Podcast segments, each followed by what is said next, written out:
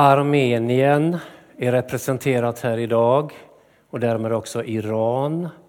Vad har vi för fler andra länder representerande här inne i kyrkan idag? Hjälp mig, tala ut. Nederländerna. Har vi mer? Norge, ja det duger jättebra som eget land. Vad har vi mer? Ukraina, vad sa vi där nere? Spanien. Korea. Ungern. Har vi fler länder representerade här inne? Kina. Sk Skåne.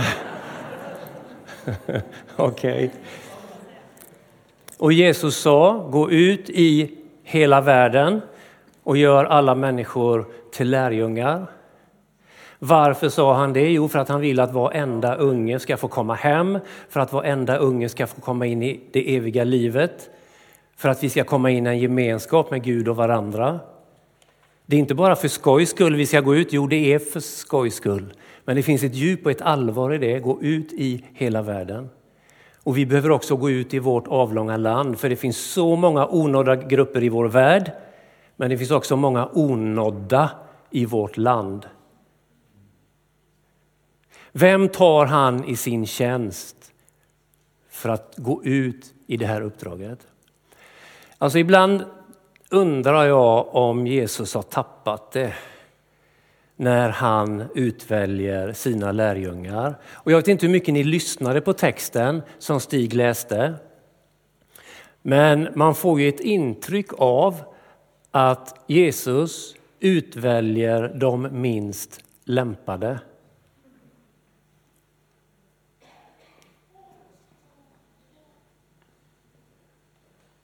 Hur tänkte han där? Han utväljer de minst lämpade. Men jag vill hedra lärjungarna idag så till den milda grad. För Jesus sa till dem, gå. Och vad gjorde de då? De gick. Jesus sa till dem, driv ut demonerna. Vad gjorde de då? Drev ut demonerna, jajamän. Inte just i den här texten, för här fick de inte till det. Men går vi bara tillbaka till kapitel 6 i Markus, detta var kapitel 9, så står det att jajamän, de drev ut demoner, de botade sjuka, folk blev helade och upprättade, fick komma in i det som vi kallar för Guds rike. Så det hände där, men det hände inte här. Men jag vill hedra dem för detta, att de ändå gick. Wow! De gick. Fick de till det varenda gång? Nej. Alltså i mänskliga mått mätt, om vi tittar på den här berättelsen, så misslyckas de. Misslyckas de i Jesu ögon? Nej, jag ser inte det egentligen. Ja, Jesus verkar vara lite frustrerad. Åh, hur länge ska jag stå ut med er? Hur länge kommer Jesus stå ut med er tror ni? Ni skrattar, ni borde kanske gråta. Hur länge kommer Jesus stå ut med oss? Men det, det var liksom vad som var fyllt av honom där, för att han, han, han räknade med att det uppdrag de hade fått, det skulle de kunna fullfölja. Därav Jesu förvåning. Jesu frustration ett litet ögonblick. Och det är som att han vill trycka in i dem, allt förmår den som tror. Och mannen där, det är ju makalöst starkt egentligen. Jag tror, men hjälp min otro. Han vågar ändå tala ut att han har sett någonting, han har förstått någonting och han vill gå vägen. Och lärjungarna ville gå vägen trots att de inte var hemma helt och fullt.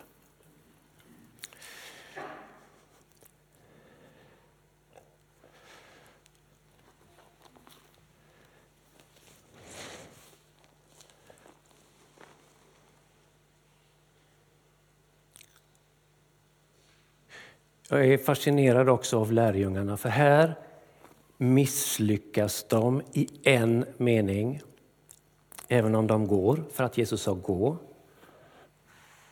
Men det är så vackert på något sätt för att de tillåter sig inte att ställa sig på sina misslyckanden och leva utifrån dem när de sen går vidare. Utan de ställer sig nära Jesus. De ställer sig i nåden.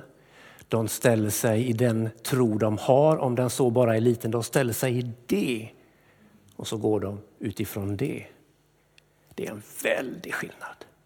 Det är en makalös skillnad.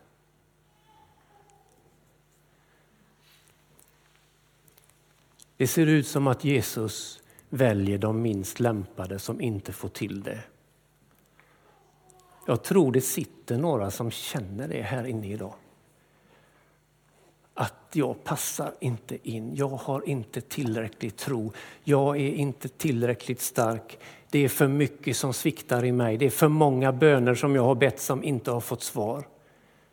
Då vill jag bara säga till dig idag, det är just dig som Herren vill ta tag i. Det är just du som är utvald för att även om du i ditt öga eller i andras ögon tycker att det finns en olämplighet här att jag kliver in i och representerar Jesus när jag går ut i världen. Det kanske till och med är så att man ibland håller tyst med att man är kristen. För att man kan inte leva upp till de där kraven som man nog tycker sig ha förstått att en kristen ska vara. Och då vill man inte smutsa ner Jesus och så är jag tyst istället. Det som är så gott med de första lärjungarna det var att inget kunde tysta dem. Inte ens deras egna misslyckanden och tillkortakommanden. För de hade förstått att Jesus sa gå, då går jag. Wow! Det finns någonting här som jag tror att kyrkans folk idag, och jag talar i allmänhet, kyrkans folk, skulle behöva få fatt i.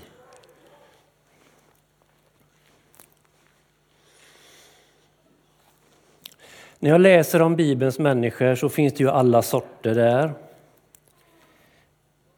Men jag är fascinerad över hur det är så många som även om de är hotade på ett eller annat sätt, som folkslag, Guds folk var ju hotat, eller som individer, många var utsatta, de var spottade på, hånade, jagade. Så mitt i allt detta så har de ett ohotat förtroende för Gud. Att Gud är trofast, att Gud är helig, att Gud är nådefull. Att Gud är värd att tillbe, att Gud är god. Det släpper de inte. Låt mig, låt mig läsa det är så knasigt det här så det är inte klokt egentligen. Sista verserna i Habakuk. Habakuk, vad är det för något tänkte någon? Jo, det är en bok i Bibeln. Den är jättebra. Tre korta kapitel.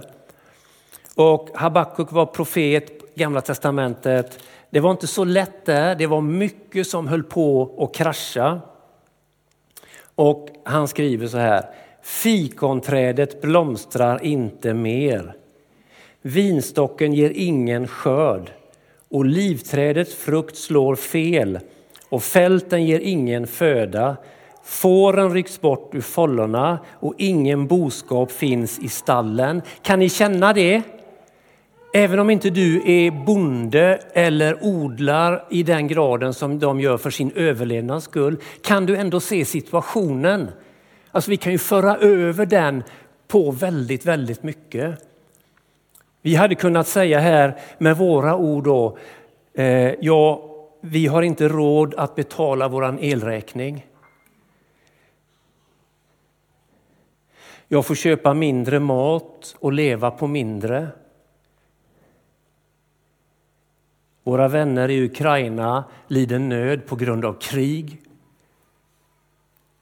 Där släktingar och vänner, fäder och söner ställer sig i fronten det, det är en sån situation som Habakuk försöker måla utifrån sin syn. Fåren rycks bort ur fållorna och ingen boskap finns i stallen. Och nästa vers, men jag vill jubla i Herren och glädja mig i min frälsnings Gud. Herren, Herren är min starkhet.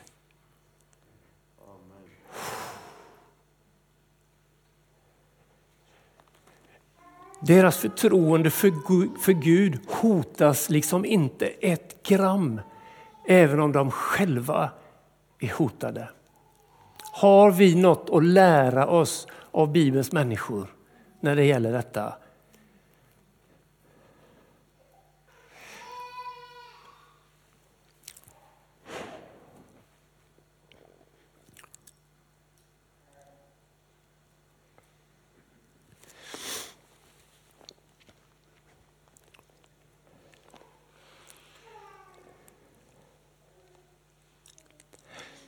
Om vi hoppar in i texten ett litet ögonblick. Jag ska inte lägga ut hela den.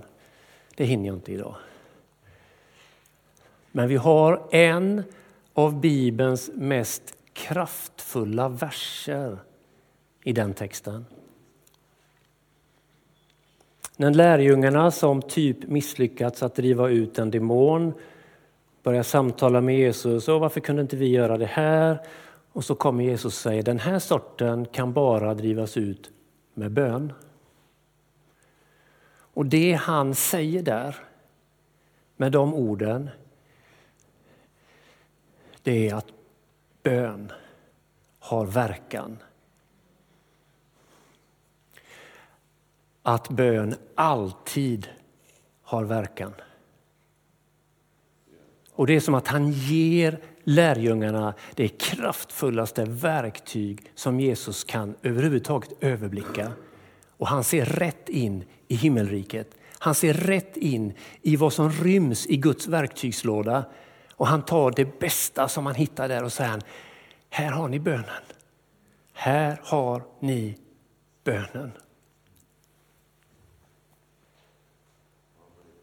Hur länge orkar man be utan att få bönesvar? Hur länge orkar man be utan att gå sönder? Hur lång tid tar det innan man ger upp sin bön?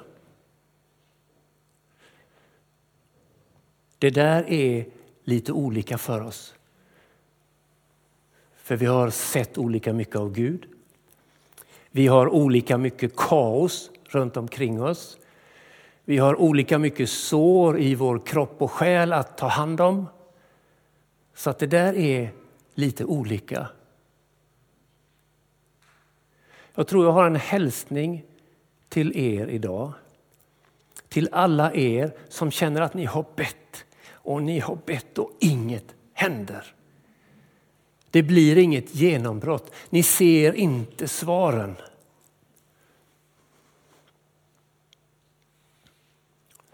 Jag vill bara säga två korta saker till er. Och Det ena är, ta din kropp och själ och var med i en kristen gemenskap. För där kan man inför någon vara, för det andra då, transparent, genomskinlig. Och tänk faktiskt att få lov att kunna säga till någon nu orkar jag inte be mer. Det kanske är det bästa och frommaste du kan säga i den situationen. Du behöver inte hålla uppe någon fasad att du är en superhjälte, att du är en superkristen, att du ber även om du inte får svar. Du får lov att säga nu orkar jag inte mer. Och så kan du få säga en sak till till din vän då som du nämner detta för. Kan, du, kan, vi, kan vi göra så att det blir ett vi i bönen även om jag inte orkar be just nu?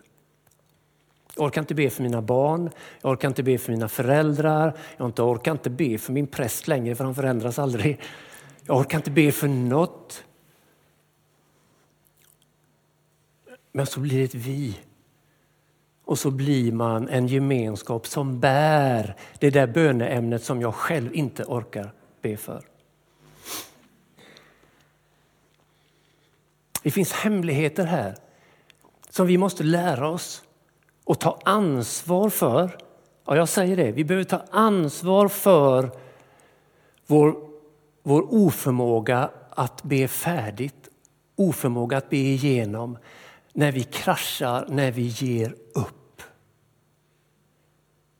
I en mening vill jag också säga då till dig, det är okej okay att ge upp. Men det är inte okej okay att ge upp och vara ensam. Men tänk att få sätta sig bredvid den och säga det, jag orkar inte mer. Jag orkar inte be till, till Gud längre. Jag tror på Gud, men jag orkar inte be till honom längre.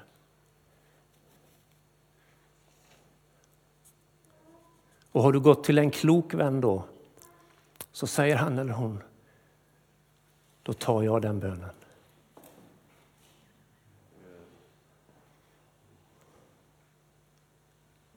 Det finns någonting i, i församlingens gemenskap. Vi är inte hemma där fullt ut. Vi är inte så transparenta som vi skulle borde vara. Men, men öva dig på någon som du är trygg med. Håll inte uppe din fromma fasad. Dela den. Vi borde ha koll på det. För vi har ju i vår, i vår gudstjänstordning, vi läser ju ofta trosbekännelsen. Hur är det den börjar nu? Jag tror på... Nej.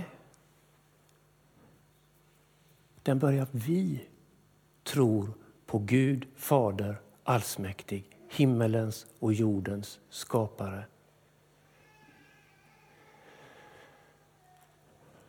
Det finns perioder i livet när jag inte kan ställa upp kanske på allting i trosbekännelsen. Men jag tar mig hit och jag uttalar den, jag är med i den och jag kanske lägger tyngdpunkten då vissa perioder på vi tror. Nej, jag kanske inte just hundra nu när det gäller det och det. Men jag lutar mig mot min grannes tro ett ögonblick. Och i det så växer man. I det så landar man. I det så blir vi en gemenskap där tron lever. Där det bär frukt. Om du för ett ögonblick tappar det så kommer du att få det tillbaka. Men du behöver ta dig hit. Du behöver ha någon att dela det med. Och så blir det ett vi av det hela.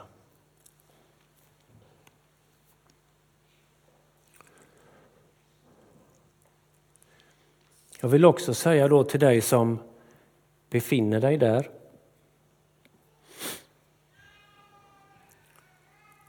Också dig kallar Herren till sig. Också dig sänder han. Till att betjäna vår värld, vårt land, till att älska människor, till att driva ut demonerna, till att be för de sjuka, till att vittna om Herren Jesus Kristus. För Jesus tycks ha en förkärlek till att välja de olämpliga. De som inte tycker, hoppa, förstå min glimt i ögat här, när ni hamnar där liksom. Du är inte mindre sänd ut i världen. Inte ett gram mindre sänd ut i världen. Och vi lever i väldigt spännande tider. Jag påstår att samhället blir öppnare och öppnare för Gud och för Herren.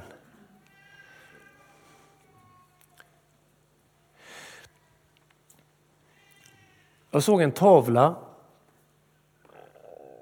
Rich, Rich hette han, tysk konstnär. Det är ett schackparti. Det är djävulen och det är människan som spelar schack. Och man ser på djävulen att han har vunnit. Han triumferar lite, det finns en stolthet i hans ansikte. Och så ser man på människan som sitter på andra sidan schackbrädet, uppgiven, tar sig för pannan, tänker att det är kört. Tavlan heter Schackmatt. Men för den som kan schack, den här tavlan är målad slutet av 1800-talet, början på 1900-talet, någonstans där.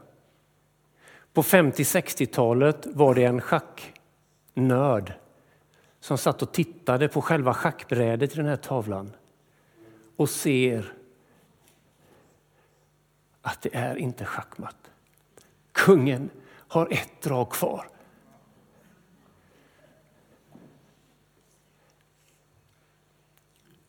Var du än befinner dig i för situation så vill jag bara säga det. Kungen har ett drag kvar.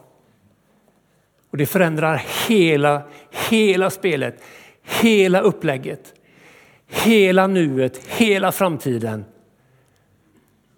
Kungen har ett drag kvar i ditt liv. Det är inte färdigt, det är inte klart. Det är inte schackmatt.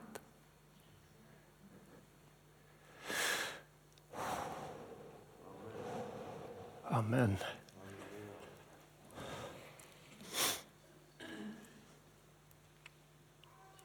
Så håll fast vid den tro du har. Säg ja när han kallar dig att gå. Be dina böner så mycket det bara går och när det inte går så dela det med någon.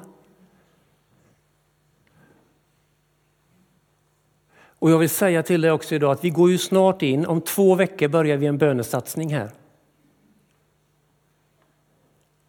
Vi ska be tio söndagar.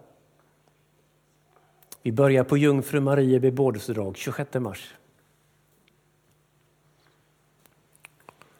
Och varje söndag ska vi be tio timmar. Man kan gå in på vår hemsida och boka sig för en pass där. Varje en kass, kass, en pass kan bokas av tio personer. Varannan söndag ska vi be här, varannan söndag i Öjersjökyrkan. Man kan be på plats eller man kan be hemma eller man kan ta en bönepromenad i bygden. Be för företagen, be för skolorna, be för sjukvården, be för politikerna, be för vårt land, vår stad, vår församling och våra hem. Och jag vill uppmuntra särskilt dig som tänker att bön har ingen verkan.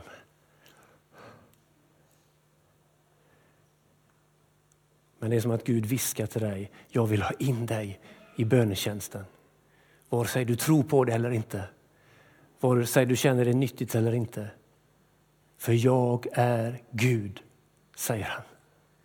Jag är den som kan frälsa. Jag är den som kan utgjuta min ande. Jag är den som kan göra så att, så att människohjärtan vaknar. Och jag behöver att vi gör det här tillsammans, säger han.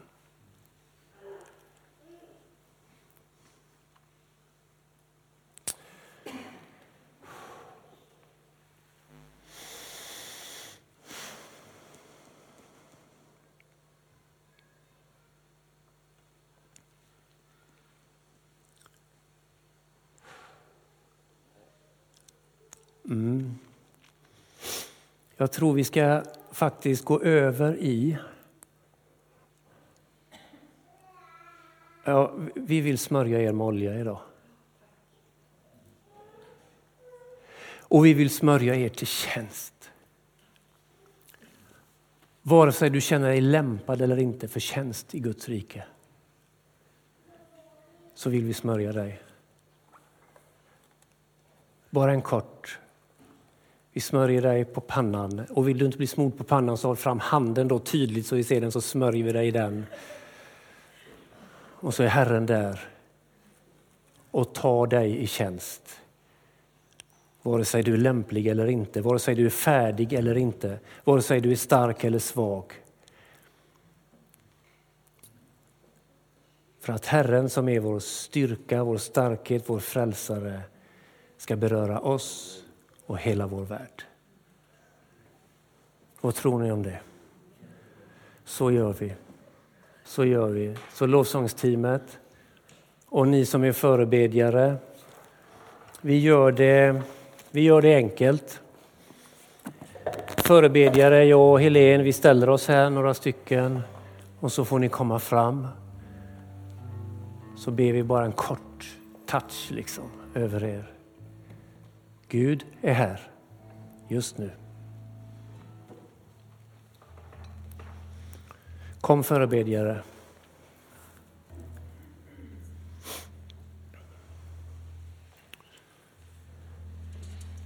Kom, kom, kom, kom. Fort, fort.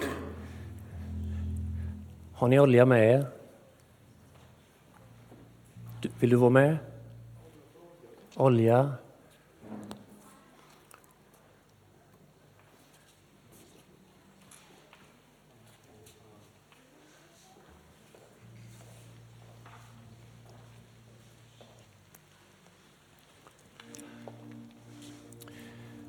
Ni som kan sången, sjung gärna med. Annars går vi in i, ett, i överlåtelse, i bön och ställer oss till förfogande. Alla ni olämpliga varelser som inte lyckas med så mycket. Jag får smörja mig själv. Men Herren är här. Kom, kom. Ja, det, det spelar ingen Va? Nej, för dig först. Ja, annars har jag inget att stå här. ska, ska stänga.